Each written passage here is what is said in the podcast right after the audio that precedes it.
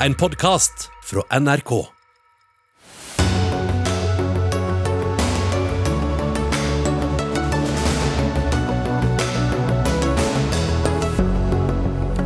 Tre norske diplomater erklært uønsket i Russland. Norge fikk eh, svar på tiltale etter at vi utviste russiske diplomater fra Norge for tre uker siden. Rekordhøyt krav fra bøndene i årets jordbruksoppgjør. Dette er den største utfordringen Senterpartiet har stått overfor, ifølge en av Senterpartiets egne partitopper. To land ville ikke betale med rubler for russisk gass. Dermed ble kranene stengt. Og til deg som har tenkt å bruke penger du har investert i fond nå i nærmeste fremtid, følg med. Da sier vi velkommen til onsdagens Dagsnytt 18. Jeg heter Espen Aas.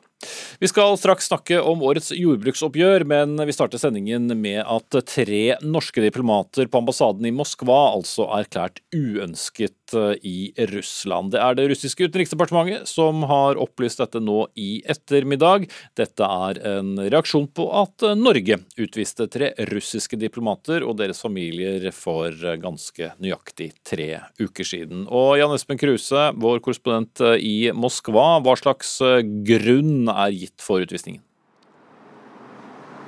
Ja, I uttalelsen fra det russiske utenriksdepartementet så heter det at eh, eh, russiske myndigheter protesterer mot eh, Norges militære støtte eh, overfor Ukraina. Det heter også at Russland protesterer mot at de hevder, det de hevder er at Norge forsøker å dekke dekke over forbrytelser som ukrainske soldater har stått for i Donbass, i den eh, østlige delen av eh, Ukraina. Eh, og så er det en reaksjon naturligvis på at eh, Norge da for en tid tilbake utviste tre russiske diplomater fra eh, Oslo. Så det er en eh, sammensatt begrunnelse som gis fra det russiske utenriksdepartementet i dag. Er det først og fremst symbolsk, eller får det noe å si? Ja, Det er vel ikke bare symbolsk. altså Russerne har jo plassert Norge på en liste over uvennlige land, som de kaller det. Eh, det er altså de vestlige landene som eh, har innført straffetiltak eh, mot Russland. Eh, så, så, det betyr jo noe. Eh, men samtidig så utviste altså Norge tre russiske diplomater. Det var ikke et veldig høyt antall. Og så blir svaret fra russisk eh, side tre norske diplomater som må ut. Sånn at andre land har jo utvist mange flere russiske diplomater og har fått mye høyere tilsvar. Så Norge har vel sannsynligvis ønsket å vise at man markerer misnøyen med krigen i Ukraina, men samtidig så holder man antallet eh, utviste diplomater relativt lavt. Er det i seg selv eh, et tegn eh, eller en slags hva skal vi si, en historiefortelling om, om hva slags forhold Norge og Russland fortsatt opprettholder? Ja, eh, Norge ønsker jo fortsatt å ha et eh, forhold, ha en viss kontakt med, med, Russland. Men eh, den politiske kontakten nå på, på, cross, på, kryss av disse grensene er jo veldig liten. Heller ikke noe særlig kulturutveksling, vitenskapelig samarbeid og på andre områder. Sånn at, og, og så er jo også dette folk-til-folk-samarbeidet over grensa i nord rammet. Sånn at eh, Situasjonen er jo ganske dyster for samarbeidet mellom Norge og Russland etter at eh, denne krigen begynte. Vi skal også til deg, Iver B. Neumann, direktør ved Fridtjof Nansens eh, institutt. Du er med oss direkte fra Wien. Hva vil russerne vise? De vil vise at internasjonale spilleregler brukes. Norge utviste, som Jan Espen Kruse sa, tre. Russerne svarer med samme mynt, like for like. Det er grunnprinsippet i internasjonal politikk, det er gjensidighet. Mm. Hvis vi ser på dette med diplomati, da, så vil vel mange si at uh, det er uh, noe stillestående der i, i øyeblikket. Uh, har en, en, ambassade i Moskva en praktisk verdi når vi står oppe i en konflikt som dette? Jo mer stillestående, jo viktigere er det å snakke sammen. Og det at man snakker sammen har en verdi i seg selv. Så ja, det er faktisk viktigere at vi har en operativ ambassade nå, som Kruse var inne på, så er det jo dårlig stelt med andre typer forbindelser. Da blir det desto viktigere at vi er i god kontakt på ambassadenivå. Dette er jo en situasjon vi kjenner fra den kalde krigen. Mm. Men da på, på, på, det diplomatiske språket, hva er, hva er alvorlighetsgraden når noen uh, da blir erklært uønsket? Nei, Det er greit, fordi uh, man kan ikke gjøre noe annet med med diplomater. De har immunitet, som det heter. altså De kan ikke straffeforfølges. Så Hvis man er misfornøyd med en diplomat, så kan man ta underhåndskontakt kontakt med ambassaden den diplomaten kommer fra, og be om at vedkommende blir sendt hjem. Hvis han eller hun ikke gjør det, så er neste skritt persona non grata. Så dette er i og for seg ganske streit. Hva slags uh, historikk har Norge og Russland og tidligere Sovjetunionen når det gjelder utvisning av diplomater? Dette skjer med ujevne mellomrom. Skjedde på 90-tallet, har skjedd senere. Eh, en gang lot, eh, lot Russland være å, å, å utvise eh, med like for like, og da var det en stor nyhet. Så dette her er, dette er helt business as usual, som det heter på godt norsk. Mm. Men så er det jo en gang sånn at på et tidspunkt er noen erklært uønsket, på et annet tidspunkt så må man gjøre om på det. Hva, hva, hva skjer rent praktisk? Ja, Det finner man ut når man søker. og Hvis man da får slippe inn, så får man slippe inn. Så oppdager man at man fortsatt er persona non grata, altså uønsket. Og Det der er litt kinkig, fordi eh, Norge har eh, et antall diplomater som virkelig kan Russland. Det er ikke altfor høyt. Så eh, jeg er veldig glad for at vi bare utviste tre, og at vi bare får utvist tre tilbake. For vi har ikke bunnløse reserver av toppfolk på Russland. altså.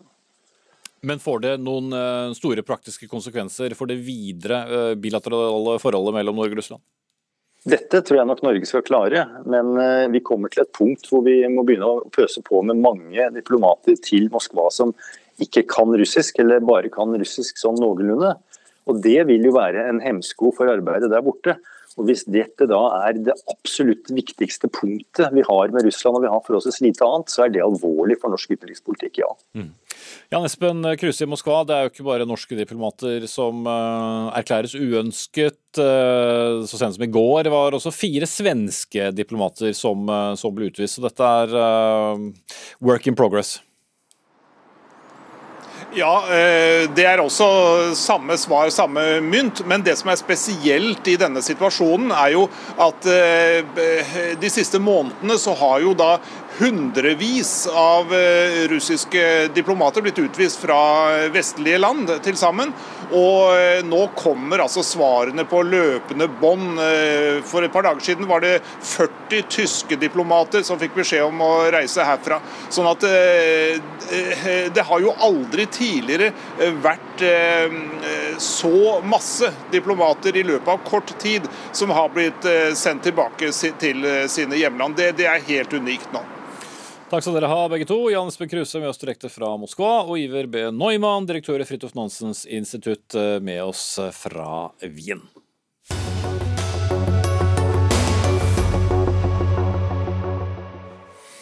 Ja, hjemlige forhold nå. Et rekordhøyt krav i årets jordbruksoppgjør ble i dag overlevert fra bondeorganisasjonene til staten. 11,5 milliarder kroner. Det er over fem ganger så mye som i fjor. Størstedelen av kravet handler om å gi bønder et solid inntektsløft, men eh, innbakt i summen er også kompensasjon for de store kostnadsøkningene mange bønder har opplevd, ikke minst på både kunstgjødsel og strøm. Vi skal til en av bøndene nå, nemlig Marte Holte Sirvik. Du er, Sirvik, du er melkebonde eh, med oss fra Kristiansund. Eh, du er 20 år. Dere har investert nærmere 10 millioner kroner i en gård på, på Averøy utenfor Kristiansund. da. Eh, og du er midt i, midt i fjøsstellet. Du ser de som eh, følger med på, på, på TV. Eh, hvordan ser fremtiden deres ut med så store investeringer, og samtidig da de høye kostnadene? Det har vært veldig trangt, så vi trenger virkelig det løftet her nå. Og da er det om for dem på Stortinget om at de oppfyller det løftene de har lovt. Mm. Og så forstår jeg dere står nærmest i en sånn såkalt catch 22-situasjon. For eh, på den ene siden så trenger dere inntekter, og skulle ikke de inntektene komme, så er det ikke bare bare å selge seg ut heller? Nei, vi har jo investert 10 millioner her nå, og vi har ikke råd til å legge ned. Da sitter vi med 10 millioner i gjeld sjøl. Eh, og da har vi òg en ganske stor eiendom som ikke betaler seg sjøl heller. Så vi må drive. Og vi har jo lyst òg. Så vi vil ikke legge ned, og vi kan ikke legge ned. Mm. Men hva er, eh, hva er hovedproblemet da på, på inntektssiden og At kostnadssiden? det, eh, det er alt. Alt koster. Alt koster altfor mye, og inntekta er for lita. Det er eh, Senterpartiet som nå sitter i regjering, og som har landbruksministeren. Gjør det deg mer eller mindre optimistisk? Gjør det jo mer optimistisk. De sier jo de skal gjøre mye for å hjelpe gårdbrukeren, så da får vi håpe at de gjør det. Jeg har ingen landbruksminister å by på i studio, men eh, jeg har eh, likevel en parlamentarisk nestleder fra partiet. Hva er din eh, melding til han når denne saken skal til hans parti? Oppfyll kravet. Det er helt sikkert. Dette kommer til å hjelpe virkelig på til veldig mange, hvis det går igjennom. Ja, Geir Pollestad, du er eh, den mystiske mannen som er eh, i studio, finanspolitisk talsperson og også parlamentarisk eh, nestleder. Sandra Borch, som er landbruksminister, vil ikke kommentere oppgjøret før det er kommet i gang. Er heller statens forhandlingsleder, som da kom med tilbud om en uke. Men du er her på vegne av partiet. Hva svarer du til folk som Marte her? Jeg svarer at vårens eh, oppgjør blir svært viktig. eh, Og så er det noen element som gjør det veldig spesielt. Det ene er at kostnadsveksten har vært så stor. Eh, Og det andre er at vi har en regjering som er betydelig mer landbruksvennlig enn den forrige regjeringa. Vi har store ambisjoner for hva vi ønsker å få til på norsk matproduksjon. Og så har vi en situasjon med ei matvarekrise som også legger et ekstra press på det. Og så er jeg veldig glad for, for nå er det tre år siden sist det har vært forhandlinger. Jeg håper virkelig det blir forhandlinger mellom eh, faglaget og staten, sånn at en kan eh, finne de gode løsningene for å sikre matproduksjon i hele landet. Så du sier at uh, bondeorganisasjonene bør ikke bryte når de har sett eh, tilbudet? Her, her bør det Du, forhandles? den vurderingen tar de helt på eh, egen hånd. Det skal de ikke få noen råd eh, fra meg. Eh, men jeg eh, håper virkelig eh, at vi får til et skikkelig oppgjør eh, denne våren, rett og slett fordi det trengs. Fordi det handler om sånne folk rundt om i hele landet som har investert, som har lyst til å produsere mat, og som må produsere mat. Og så handler det Ja, men kan, kan, du, kan du si til henne at eh, hun og mannen kan regne med å, å fortsatt eh, produsere melk også neste år? Ja, Det er det jo forhandlingene som skal avgjøre hvor vi lander. Men så handler dette ikke bare om bøndene. Det er minst like viktig for de som ikke er bønder, at det blir et godt eh, jordbruksoppgjør. For jo høyere opp i etasjene i, i blokka en bor, jo mer av, er en avhengig av at vi har sikker tilgang på trygg mat. Eh, og det er jo det som står på spill denne våren. Du sier til Nasjonen i dag, i hvert fall papirutgaven, at dette jordbruksoppgjøret er den største enkeltutfordringen Senterpartiet har stått overfor. Hva betyr det? Er det nærmest et sånn vinn eller forsvinn-oppgjør for eh, partiet, som jo sliter litt på meningsmålingene om dagen? Ja, men det er en kjempeviktig sak for uh, Senterpartiet. Og så er jeg enormt glad for, når vi har en så krevende situasjon uh, i jordbruket, at det er en statsråd fra Senterpartiet som skal være uh, forhandler på vegne av staten, og ikke en statsråd fra f.eks. Frp eller KrF.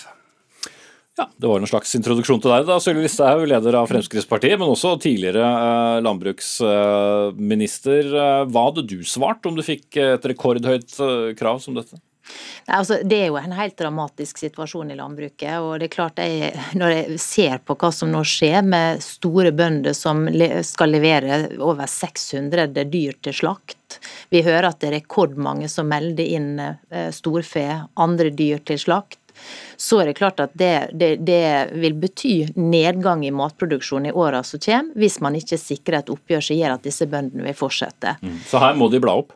Altså, Det må skje ekstraordinære grep i årets jordbruksoppgjør hvis man skal sikre norsk matproduksjon. Og dette året her så handler det ikke bare om Norge, det handler om verden. At vi nå er i en matvarekrise. Og at vi må sørge for å produsere så mye mat som vi greier, så vi tar vår del av ansvaret. Og når Men jeg hører på, på Senterpartiet, så må jeg bare få sagt det. At det, når Fremskrittspartiet styrte eh, i 2018, da var det en tørkekrise, så kom man prompte på banen og sørga for et ekstra oppgjør. Nå har vi holdt på hele våren for å prøve å få Senterpartiet til å sette seg til bordet, ta på alvor de signalene som kommer fra bøndene. Men det eneste vi har fått hørt hele våren, det er at vi følger situasjonen nøye. Det gjør de enten det er snakk om dieselpriser, strømpriser eller andre ting, så følger holder man situasjonen så jordbruksoppgjøret Og det, det rammer jo også bøndene.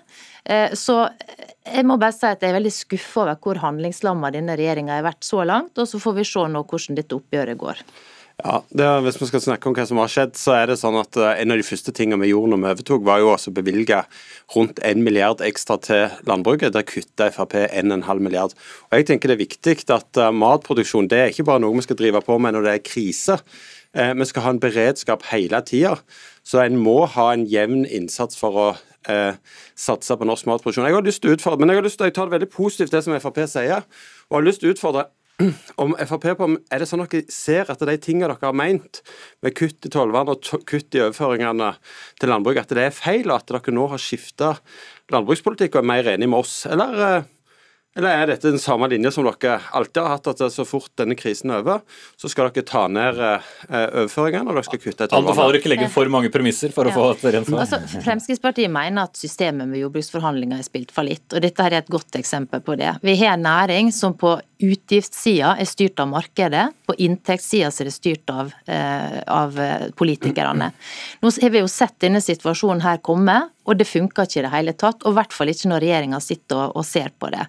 Men vi får ikke løst det nå, og derfor så sier jeg at nå har vi det eh, systemet som ikke fungerer. Da må vi bare bruke det systemet på best mulig måte for å sikre at vi har matproduksjon inn i framtida, og det er det vi er ivrige etter å, å gjøre Men, noe men med med. spørsmål som det er sikkert mange der hjemme eh, sitter med, hvis vi da skal eh, gi et skikkelig løft til bøndene, som sikkert også mange er, er enig i den krevende situasjonen, er det da også en stor mulighet for at vi sementerer ganske mye høyere priser på norske landbruksvarer? Altså, Senterpartiet vil jo gjøre noe med tollvern, men hva fører det til? Det vil jo føre til at valfartinga til Sverige kommer til å øke enda mer i omfang. Jeg ønsker jo at vi skal ha et norsk landbruk som eh, produserer varer som er konkurransedyktige med, med, med det som skjer på Svinestund og, og, og andre steder i størst mulig grad. Mm. Så, så, der- er landbruksvarene i Norge må ikke bli for dyre? Nei, for da vil man utkonkurrere seg sjøl, og det er det som er problemet. og Det er det Senterpartiet ikke tar inn over seg. Og nå snakker de jo også om å øke andre avgifter på sukker f.eks., som kommer til å bety økt grensehandel, tapte norske inntekter. Jeg tror han avviste det først og fremst i går, men la oss ikke ta, ta den biten. Men, men nettopp dette med prisene lurer man. Blir melk dyrere? Blir ost dyrere? Kan brød bli dyrere? Ja, nå er det jo sånn Poteter. at Prisene i Norge er jo lavere enn verdensmarkedsprisene, så sånn sett så beskytter eh, jordbrukspolitikken eh, den norske forbrukeren. Eh, og det er jo sånn at Hvis vi skal greie å øke lønnsomheten og inntektene i landbruket, så må bonden få bedre eh, betalt. Eh, Det vil være eh, viktig for oss, og det vil også vært et tema helt sikkert i de forhandlingene som skal starte. Så prisene må opp? Ja, men vi er også opptatt av fordeling. Vi skal ikke ta en ny diskusjon, men vi er også opptatt av hvem som springer vekk med pengene, om det er dagligvarekjeden eller bonden. Så der òg er det en diskusjon som vi må ta. Og Det viser at skal vi greie målet vårt for landbrukspolitikken, så må vi jobbe med tollvern, vi må jobbe med makta i verdikjeden, og vi må få gode jordbruksoppgjør både i år og i de kommende åra. Bjørn Gimming, du har sittet eh, tålmodig og hørt på politikerne her. Du er leder av Norges Bondelag, og du er også forhandlingsleder i dette oppgjøret. Hva tenker du mens du hører politikerne? Vi står nå i en situasjon i norsk jordbruk med en ekstrem kostnadsvekst. To tredjedeler av det kravet som vi har overlevert staten i dag, handler om å håndtere ekstraordinært stor kostnadsvekst. I tillegg så har vi eh, tatt regjeringen på alvor med hensyn til de ambisjonene som de har trukket opp, både gjennom regjeringsplattformen og ikke minst det som Stortinget har vedtatt før jul, med hensyn til å få opp inntektene. Så dette kravet som vi nå har levert, det inneholder både kostnadskompensasjon, som er helt nødvendig for å holde norsk matproduksjon i gang, og så må det starte, startes en snuoperasjon nå for å få opp inntektene i, i jordbruket. Og det har vi krevd i, i dagens krav. krav. Dere har jo også brutt med, med staten eh, i flere omganger de siste årene. Er du mer innstilt på forhandlinger denne gangen? Vi har hatt en krevende situasjon i de foregående åtte åra, hvor vi har brutt flere ganger og vært i konflikt med regjeringen fordi inntektsutviklinga og det som har vært lagt, lagt på bordet er altfor dårlig for å møte de utfordringene som norsk matproduksjon har.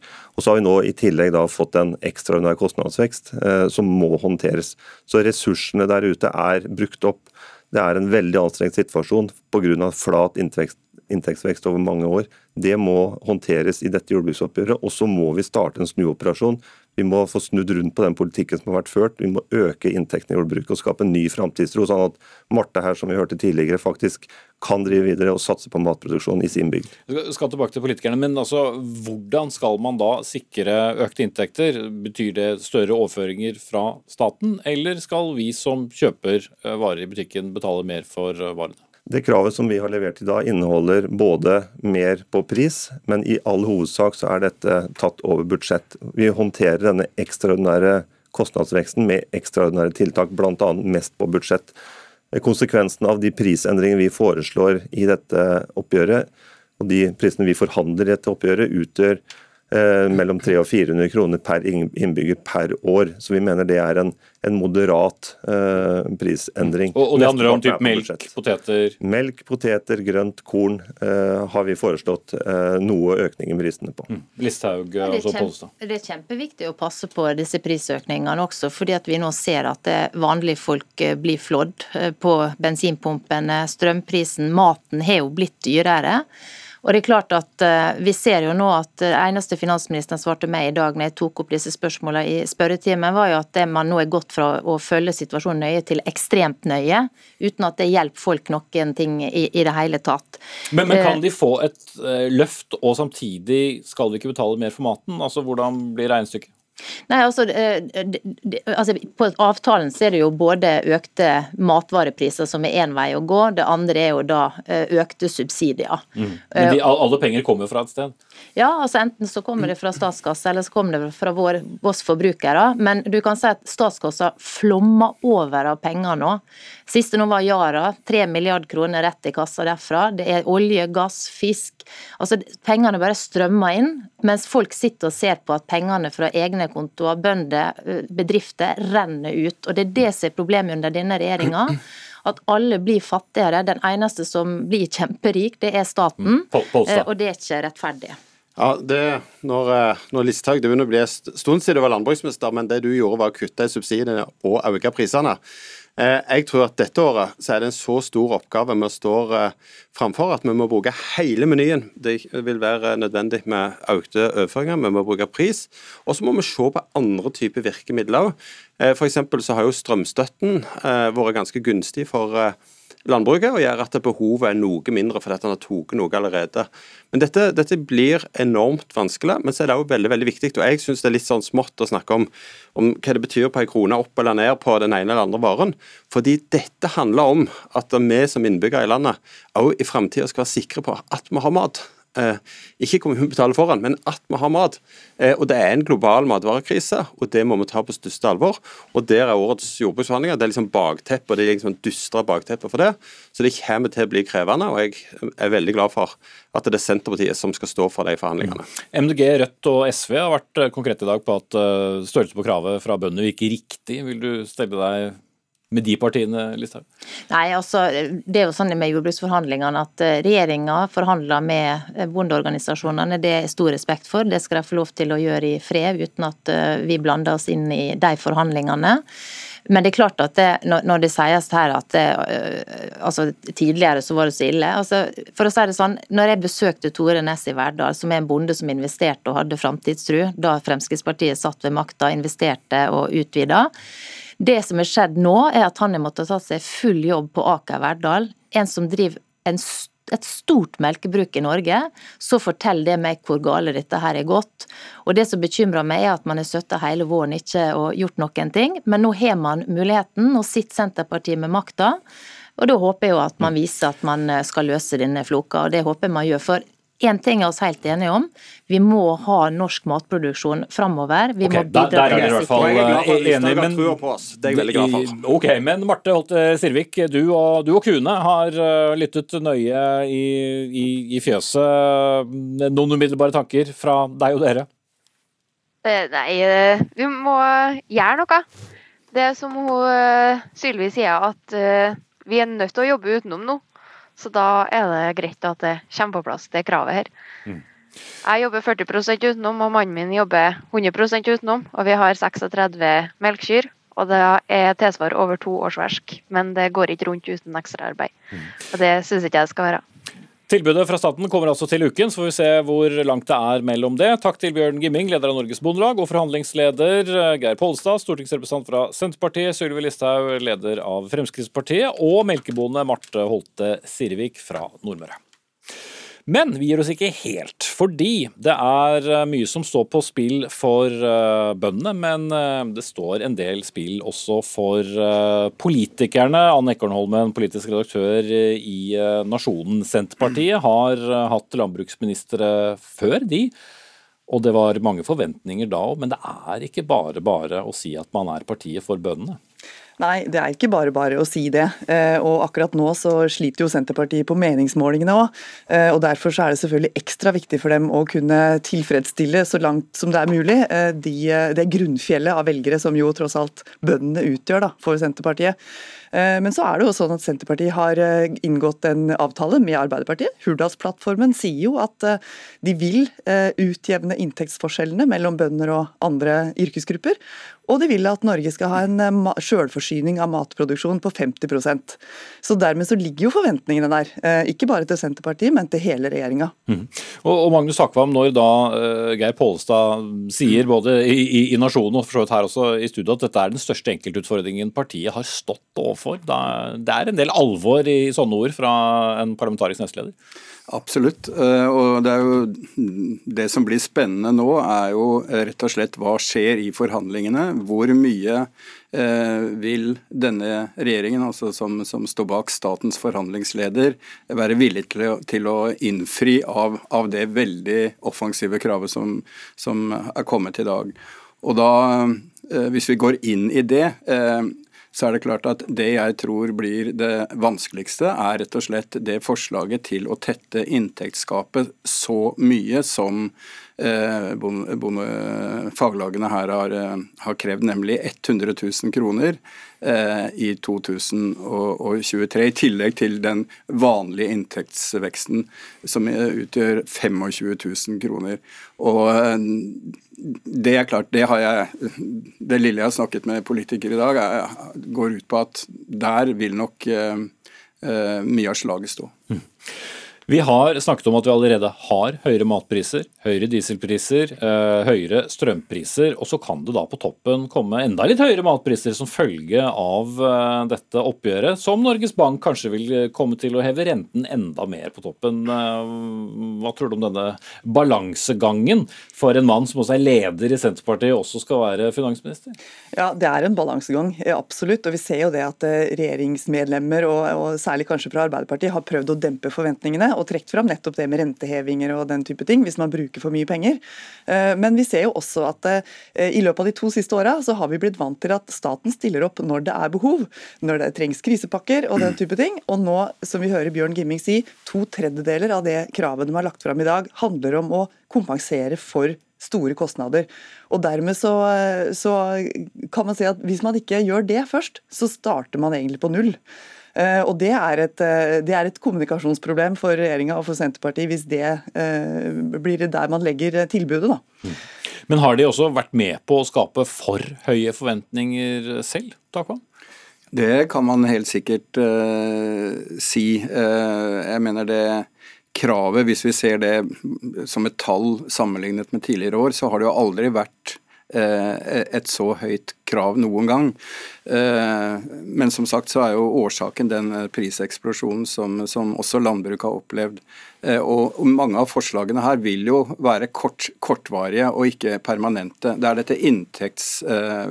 Styrkingen av, styrkingen av inntekten som vil være permanent, først og fremst. Ja, for Den vil være dyr hvert år? Ja, men jeg tror nok Bondelaget altså Det er ikke bare Senterpartiet som har et press på seg. Bondelaget har også veldig mange medlemmer som krever at de står eh, på. Og jeg tror nok årsaken til at vi har et såpass offensivt krav, er, en slags blanding av dette. Nemlig at, eh, at de føler seg presset både av Småbrukarlaget og av sine egne medlemmer til å fremme et veldig offensivt krav. Men da lemper de på en måte jobben over til Senterpartiet eh, og, og forhandler videre i i, eh, i, eh, de neste ukene. Mm. Og, og, fallhøyden her, eh, Ekornholmen har selv dekket sinte bønder i Oslo som var sint på en landbruksminister fra Senterpartiet. Tåler de en ny tonrunde? Det korte svaret på det er jo egentlig nei. Man tåler egentlig ikke det. Eh, og så er det selvfølgelig ikke noe Dette er jo Senterpartiets hjemmebane, kan du si. Og vi ser jo nå i, i Nasjonen i dag, så går eh, Torgeir Knag Fylkesnes fra SV ut og sier at dette er et nøkternt krav. Eh, Rødt sier at det er rimelig og et godt krav. Så presset ligger jo nå, kommer jo nå politisk ikke sant, fra flere kanter på regjeringa på at dette må man levere på. Mm. Og så sitter jo Senterpartiet og Fremskrittspartiet, som man kanskje kan se på som to, to naturlige fiender i det politiske landskapet, og sier mye av det samme. Får bøndene et slags forsprang fordi vi er inne i en stor konflikttid i Europa, hvor fokuset på å produsere mat hjemme er større enn på lang tid? Jeg tror nok hele, alt, alt, det som har skjedd i løpet av de siste årene med pandemien og, og, og den skal vi si, også matvarekrisen som vi opplever nå, eh, har styrket eh, tanken på økt selvforsyning og å styrke på en måte norsk matproduksjon i utgangspunktet. Så det gjør jo at også bondeorganisasjonene kan gripe det momentet og få relativt bred støtte for, for, for, for sine krav i breie lag av, av befolkningen. Og, og, man eh, kappes jo nærmest om å være landbruksvennlig, så å si, fra alle partier nå. Mm. Ja, det er ikke så mange som har sagt vi må kutte i subsidiene og, og gjøre noe med den uh, politikken økonomen, selv om mange, i hvert fall økonomer, vil si vær forsiktig, nettopp fordi dette kan være veldig inflasjonsdrivende, og da, da blir det enda dyrere for alle. Ja, men jeg tror det er riktig som du sier. Altså at er, nå er det et momentum. Eh, mange ser at det er det solidariske å gjøre i en situasjon der det er krig i Europa, og det er der matforsyningene og linjene kanskje ikke er åpne, og det er sult i andre deler av verden, så er den solidariske tingen å gjøre å sørge for at vi produserer mat her hjemme sjøl. Eh, og det er jo, og skal man gjøre det, så må man altså ha bønder som tjener penger på å gjøre det. Mm. Men eh, så kommer altså tilbudet fra staten om en uke, Magnus Hakkom. Det er, det er alltid en, eh, et eh, stort gap mellom tilbud eh, og, og, krav her. Hvor høyt har bøndene lagt seg, tror du? Altså, det er kjempespennende, og jeg tror liksom, det verste scenarioet for Senterpartiet, som vi har snakket om, som, som er i en krise, er dersom, dersom det ikke blir en avtale, i hvert fall med det største faglaget, Bondelaget. Hvis, det, hvis ingen av faglagene anbefaler det tilbudet staten til slutt kommer med, så Eh, så vil det være veldig alvorlig for Senterpartiet. Så de håper på at det, første tilbudet er såpass eh, eh, gunstig at i hvert fall eh, Bondelaget forhandler videre og, gir dem håp om at det kan bli en anbefalt avtale. Mm. De ønsker seg nok ikke nyheten om at det er brudd i jordbruksforhandlingene med det første. Takk til Magnus Akvam, politisk kommentator NRK, og Anne Ekorn Holmen, politisk redaktør i Nasjonen.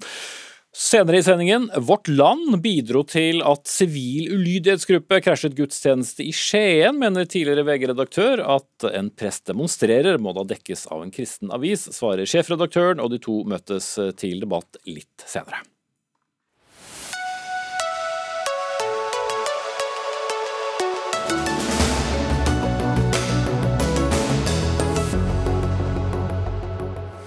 Krigen i Ukraina er bakteppet på mange av eh, sakene i Dagsnytt 18 i dag, så også neste. For Russland stanser gassalget til både Polen og Bulgaria etter at landene nektet å betale for den i rubler. Polens eh, statsminister sa i formiddag at gasstansen er et direkte angrep på Polen. Men Tina Saltvedt, eh, sjefanalytiker for bærekraftig finans i Nordea, hvor overrasket burde den polske statsministeren egentlig bli? Ja, altså Man kunne jo tenke seg at dette kunne komme, eh, nettopp fordi at eh, dette her er jo viktig for eh, Europa, eller EU. EU er jo helt avhengig av de leveransene de får av både gass, kull og olje fra nettopp Russland. slik at det har jo vært eh, spekulert lenge i hvilken side kommer til å agere først. Er det EU som kommer til å stoppe kjøpene av nettopp eh, gass eller olje fra Russland, eller er det Russland som kommer til å stoppe leveransene? Og her ser vi da at Russland gikk foran. Mm. Og vi vet det er mange land som er veldig avhengig, som du er inne på også, av, av energi fra, fra Russland. Når de skrur igjen kranene for noen land, sånn som nå. Hva skjer da med det europeiske energimarkedet? Ja, det som først skjer er jo at prisene spretter i været på gass, og det er jo selvfølgelig noe vi også merker her i Norge. Eh, først og fremst så spretter det i været fordi det kommer litt overraskende. Man hadde ikke ventet at det skulle skje nå, og da blir det et sjokk på markedet. og Da ser vi ofte at prisene spretter veldig høyt før de faller noe tilbake. For etter hvert som markedet får mer og mer forståelse for og oversikt over situasjonen, diskusjonen, så vil det ofte jevne seg litt ut, og så vil man få mer informasjon fra politikerne om hvordan de har tenkt å håndtere det. Men det er helt klart at dette er jo en alvorlig situasjon, og spesielt hvis da dette her skjer med andre nasjoner i tillegg. For enn så lenge så klarer man sannsynligvis å rokere litt på forsendelse internt i EU, slik at man kan dekke over for det både Polen og Bulgaria trenger. Men skulle det sleve med flere land, da vil det bli en større krise. Mm. Karen Sund, grunnlegger og daglig leder i konsulentselskapet Sund Energy. Er dette også problematisk for Russland, som nå mister inntekter? Ja, De mister ikke så mye på Polen og Bulgaria. Det er veldig små volum i forhold til det hele Europa får. Og I tillegg så har jo både Polen og Bulgaria sagt opp kontraktene deres. Det har alltid vært automatikk i vi tar en 20-årskontrakt, så forlenger vi og forlenger og forlenger, eller fornyer. De sluttet i desember. Delvis fordi Polen fremfor noen andre europeiske land som jeg har snakket med, er på Vi vil ikke betale dem for våpen etter Kaliningrad fikk våpen fra Russland med rekkevidde over hele Polen. Så de er mye mer standhaftige i akkurat det. De andre snakket om security supply som en sånn generell ting. Og de har da fylt lagrene sine skikkelig opp. Og de har LNG, og de gleder seg til å få et rør til, fra Norge. Um, så får vi se om det kommer noe norsk gass i det røret. Mm. Men, men bakteppet er jo da at Russland ønsker å presse land til å betale i, i rubel, en, en, valuta som har tapt uh, enormt uh, i verdi som følge av, uh, av krigen. Men er det har russerne grunn til å være optimistiske på egne vegne at de klarer å presse gjennom at det europeiske land som på den ene siden sender våpen til Ukraina for å slåss mot russerne, mens på den andre siden trenger gass? Altså Når de først har truet med at vi skrur av hvis ikke du betaler i rubler, så må de jo vise litt at de mener det òg.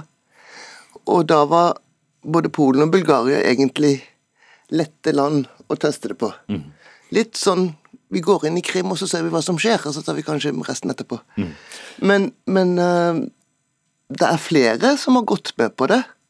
Og det betyr at du lager en konto i Gazprom Bank der hvor sjefene driver og dør for tiden. Og så skal Gazprom Bank gjøre tjenesten å oversette til rubler, og så blir Putin mer glad for rubelen kjøpes mer. Mm. Så, så, så, land betaler inn i euro, og så får ja. ja. de betaler i euro eller dollar. Mm. For de kan ikke betale direkte i rubler, for da bryter man med sanksjonene. Ja. ja. Men det bryter litt å be Gazprom Bank også. Så de må holde seg litt for nesten? Og det gjør de fordi de er desperate, ikke sant. Mm. Men eh, Tine Saltvedt, eh, sjokk nå fordi dette er uventet. Eh, ingen markeder liker usikkerhet eh, osv. Men vi har jo den litt eh, uoversiktlige energisituasjonen som vi har hatt, med rekordhøye priser på energi. Dette gjør vel bare vondt være uansett? Det er klart at dette her hjelper ikke på den situasjonen som er. Men vi skal huske nå at nå går vi inn i en periode som vi ofte bruker litt mindre til, spesielt oppvarming.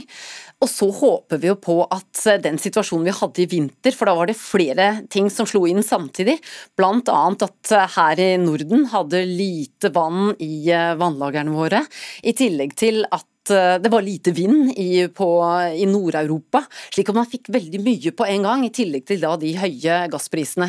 Så man kan jo håpe på at i hvert fall ikke det slår inn samtidig, for det er jo, det er jo ikke tvil om at når mindre gass kommer til markedet, da vil jo prisene stige, og det vil jo påvirke hele energimarkedet. For når prisene på gass stiger, så prøver man å bruke noe annet, og vi så jo også at man brukte mer f.eks. olje eller diesel i dieselaggregatet for å, for å produsere strøm, slik at man få en effekt på hele markedet, fordi at problemene da forskyver seg mellom de ulike energibærerne. Så det er en utfordring selvfølgelig når det kommer mindre gass til markedet, og markedet er ganske skjørt i utgangspunktet. Mm. Men som, ja. her, har EU fått lov å skinne litt, så de er veldig tydelige på at vi er sterkere sammen. Og dette er en liten del av totale EU, og EU har allerede begynt å kjøre saktere på motorveien. varme seg mindre på vinteren og skal nå kjøle seg mindre på sommeren. Så etterspørselen er litt ned allerede, så det er jo første ting som hjelper. Og så er det jo andre som kan levere. Og så har de en solidaritetsmekanisme. At hvis, hvis et, Det er ikke helt Nato, men hvis ett EU-land blir kutta, så skal de andre hjelpe til. Og det er bra. Og hun, eh, van der Leyen var ute nettopp i stad og sa at eh, de, klarte, Altså de, klarte, ja, de klarte ikke knekke oss denne gangen heller. Men man klarer ikke å frie seg uh, fra uh, russisk eh, gass og annen energi uansett, med det første? Ikke med det første, det er veldig veldig vanskelig. Eh, fordi at de er så stor leverandør. Altså, En av de største importørene er jo da Tyskland. Eh, også Italia importerer ganske mye gass fra, Europa, klart, nei, fra Russland. Og det er klart at det får man ikke erstatta over natten. Selv om man har eh, sett til både USA og deres skiferproduksjon å få mer i form av flytende gass som, som skippes på skip. Man har også sett til Qatar av samme grunn, og også Nord-Afrika. Men likevel, det er såpass store volumer det her er snakk om, at det er veldig veldig vanskelig å gjøre noe med det på spesielt kort sikt, men også på mellomlang sikt. Det vil ta tid før man klarer det. Men Karen Sund, til slutt. eh, Europa gjør seg mindre avhengig av Russland også for tiden som kommer etterpå. Så det, det vil kanskje bli et ganske stort økonomisk tap for, eh, for Russland. i, Ja, i det er jo håpet. Det har gått mer enn 25 milliarder euro bare i gass siden invasjonen begynte. Og så var uh, Italia og fikk ny avtale med Algerie forleden, og da ble Putin sur med en gang. Ikke sant? Skal han straffe de? Og det er noe med gassen til Tyskland i dag, gjennom Nord Stream 1, den flyter fullt. Så til og med England, som har vært veldig hardnakket anti-EU i mange år, importerer nå ekstra både fra Norge og, og flytende LNG, og kan sende det over. De har to eksportrør som går til kontinentet, og de er begge fulle. Ok, takk skal du ha. Karen Sund, grunnlegger og daglig leder av Sund Energy, og Tina Saltvedt, sjefanalytiker for bærekraftig finans i Nordea.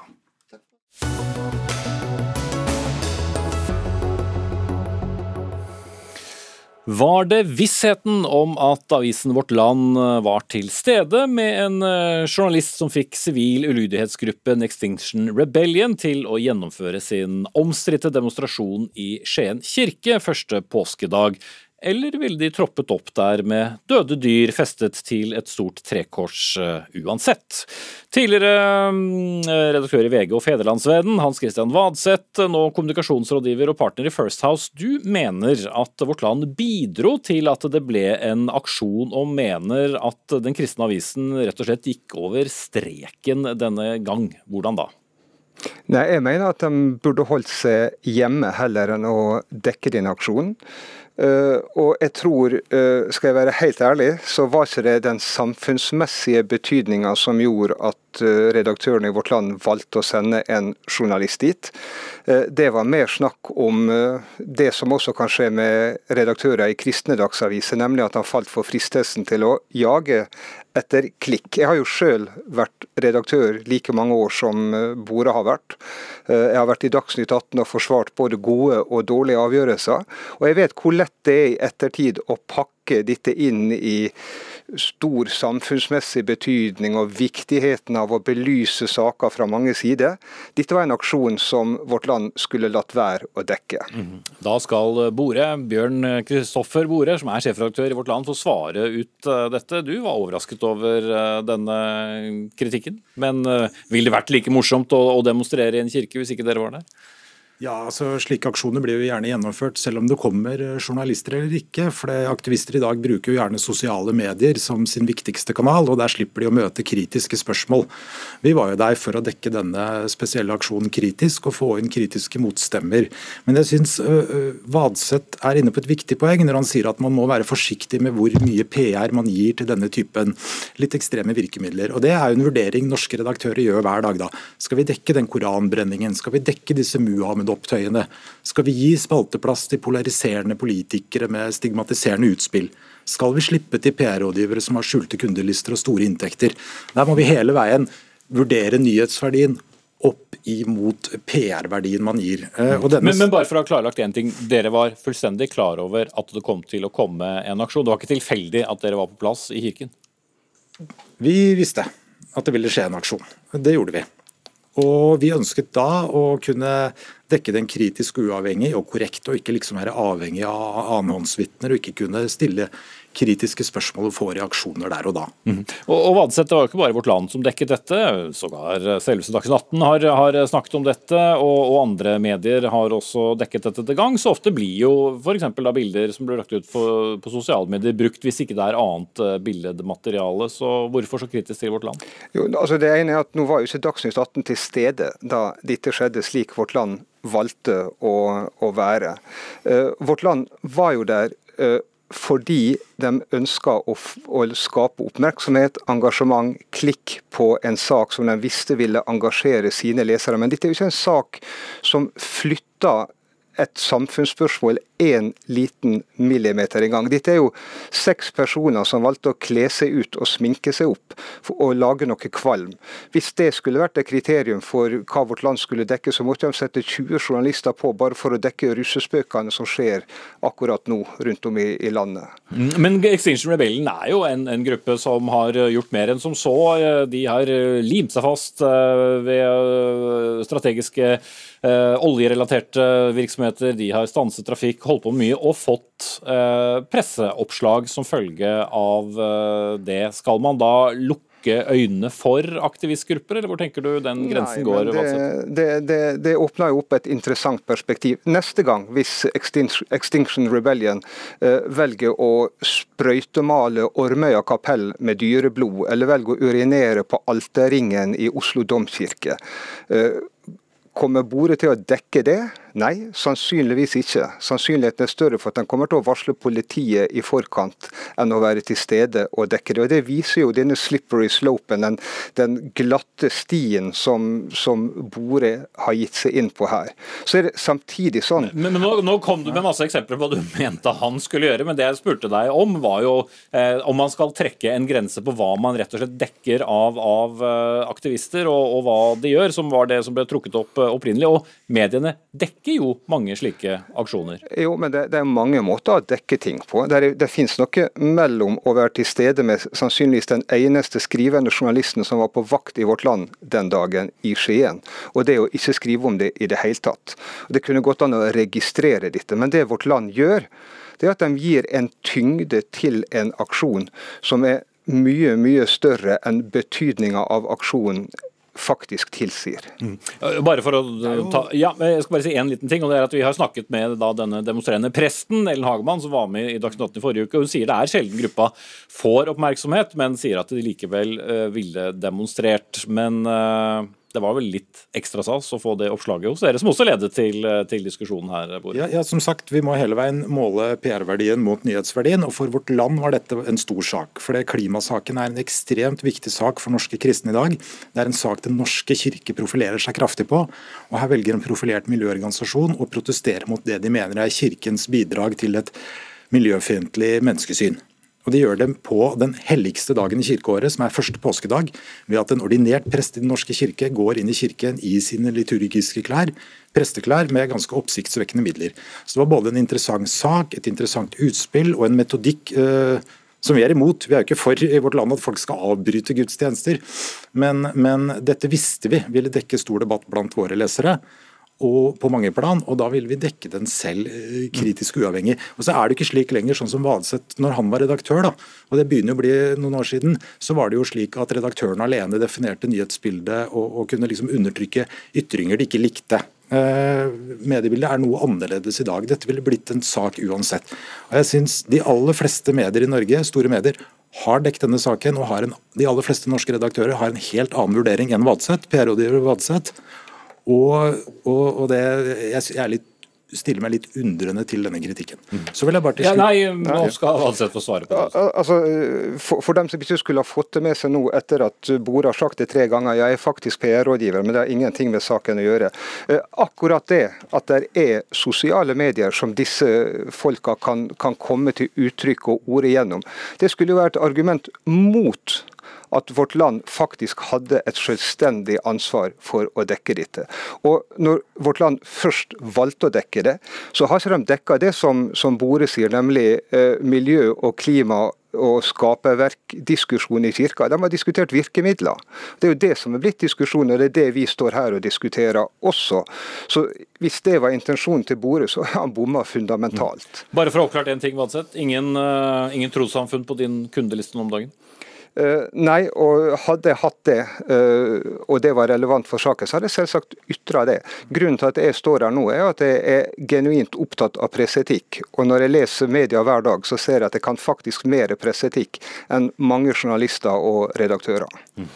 Også mer enn deg, Bore? Ja, nei, altså Hvis Vadseth hadde fulgt debatten i Vårt Land ettertid, så ville han sett at det både var en diskusjon om virkemidler, men også om sak. Det har vi også hatt uh, artikler om og debattinnlegg om. så den kritikken er jo ikke riktig. Men uh, Da skal folk uh, i de tusener av hjem få gjøre opp sin egen mening. Nå har vi i hvert fall hatt to runder på den her. Alle har blitt sittende. Bjørn Kristoffer Bore, sjefredaktør i Vårt Land, og Hans Christian Vadseth fra First House, tidligere redaktør.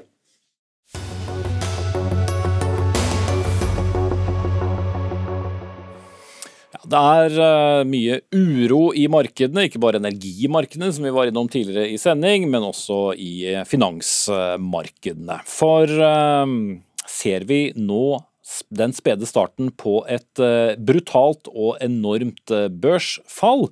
Er det mange som spør seg. Flere investorer har vært ute og spådd, noen sågar at verdiene på aksjemarkedene kan falle med 50% i den nærmeste tiden. Mange nordmenn har både aksjefond og pensjonssparing bundet opp eh, i, eh, i fondsmarkedene. Hogne Tyssøy, du er investor og også uh, rådgiver med oss fra Bergen. Hvis du har mye sparepenger bundet opp til aksjemarkedene, bør du være nervøs? Nei, jeg tror ikke man bør være mer nervøs nå enn kalle hele tiden. Er man, er man ute etter å hente og høste avkastning, eller som det kalles på fagspråket, risikopremier på sin kapital, sparer langsiktig, så viser jo oljefondet oss veien. vår våre felles eh, sparegris har 70% av pengene i verdens aksjemarkeder. og Det, det synes jeg er en langsiktig god strategi. Men understreker at det skal være penger som du har råd til å sitte med over lang tid. At ikke du på en måte må selge av ulike grunner hvis det blir uh, uvær i markedene. Og jeg tror vi skal forberede det norske folk på at det kan bli urolige tider på aksjemarkedene. Vi har så langt ikke hatt de helt store svingningene, men vi ser ved denne såkalte VIX-indeksen at eh, nervøsiteten er tiltagende. Vi har et inflasjonsproblem i verden som etter min mening er skapt av sentralbankene. Ikke den norske, for den, den er bare en follower, men av, spesielt av amerikanske Fed og ECB. og Alt dette i sum eh, det gjør at mitt beste råd til det norske folk, som har mye penger etter hvert eksponert, det er at de skal følge godt med. De skal legge seg en, en, en strategi. Og det viktigste er når skal du ta disse pengene ut av markedet? Har du bruk for dem? Har du 5 eller 10 eller 15 eller 20 år igjen til eh, pensjon, så er, det, så er det når det nærmer seg, du må være opptatt av dette. Okay. Eh, ja. ja. Eh, Kristin Skaug, du er daglig leder i, i Aksje-Norge. og Det er i liten tvil om at folk ser forsidene. De hører nyhetene om milliardverdier som, som forsvinner, selv om det er ikke milliardverdier nødvendigvis hver enkelt har. Men hva, hva sier du til folk som nå er bekymret for det som de tenkte i utgangspunktet var noen trygge sparefond? Ja, altså Først og fremst så er det jo som Hogne sier her, at det er viktig å ha en veldig diversifisert portefølje. altså til god, god, god spredning. Men det vi ser er jo at vi har fått over, ja, oppimot 200 000 nye på børsen de siste par årene. Som gjør at det er veldig mange som ikke har noe erfaring med å spre risikoen. Og de, de har kanskje heller ikke vært med på store svingninger tidligere. Eh, og det det som er viktig da, er jo å nettopp gå tilbake til hva var årsaken til at du gikk inn i aksjemarkedet.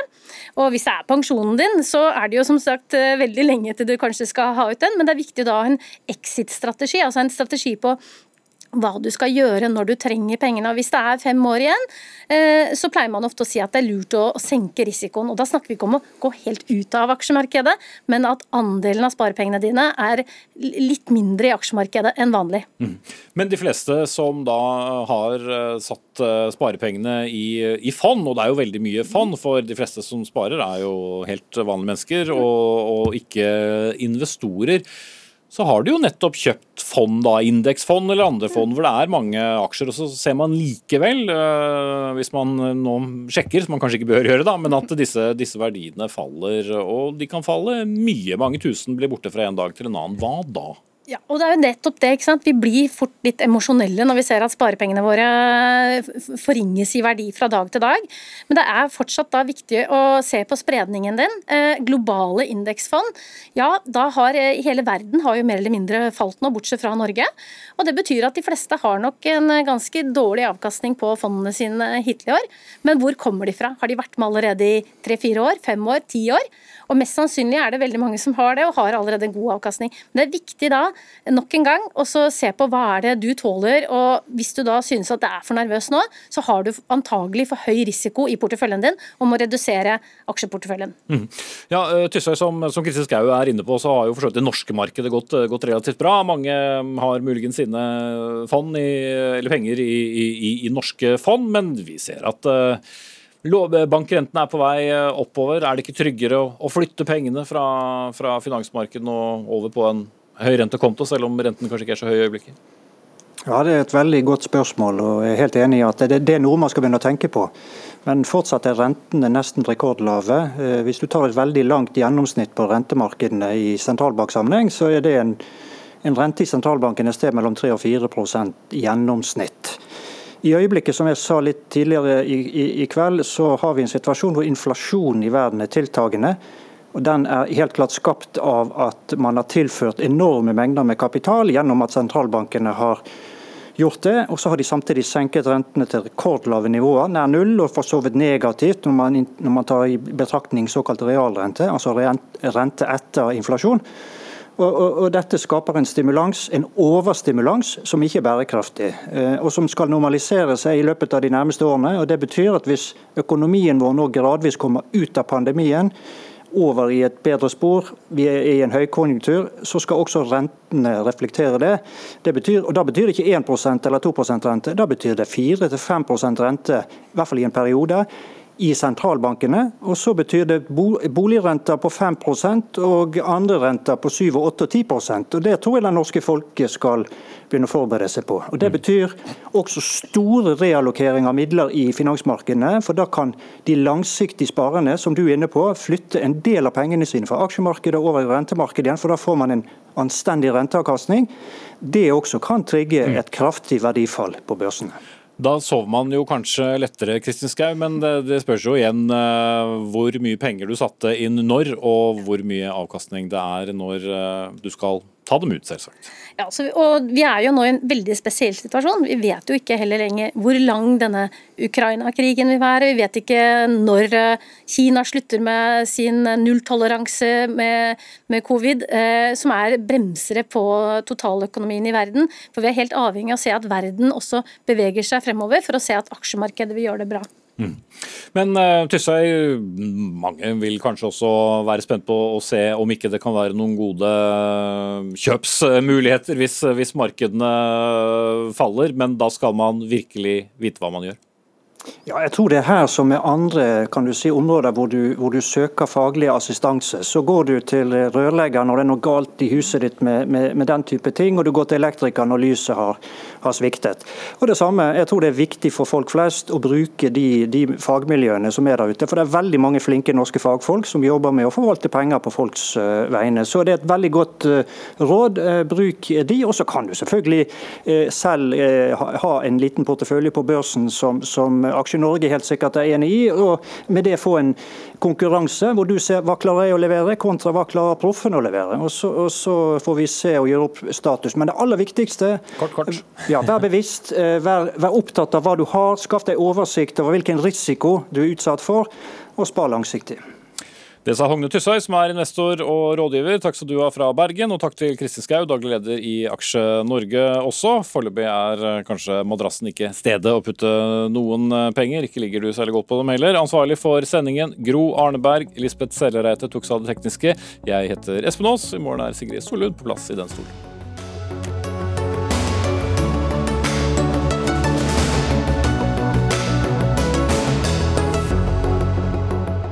Du har hørt en podkast fra NRK.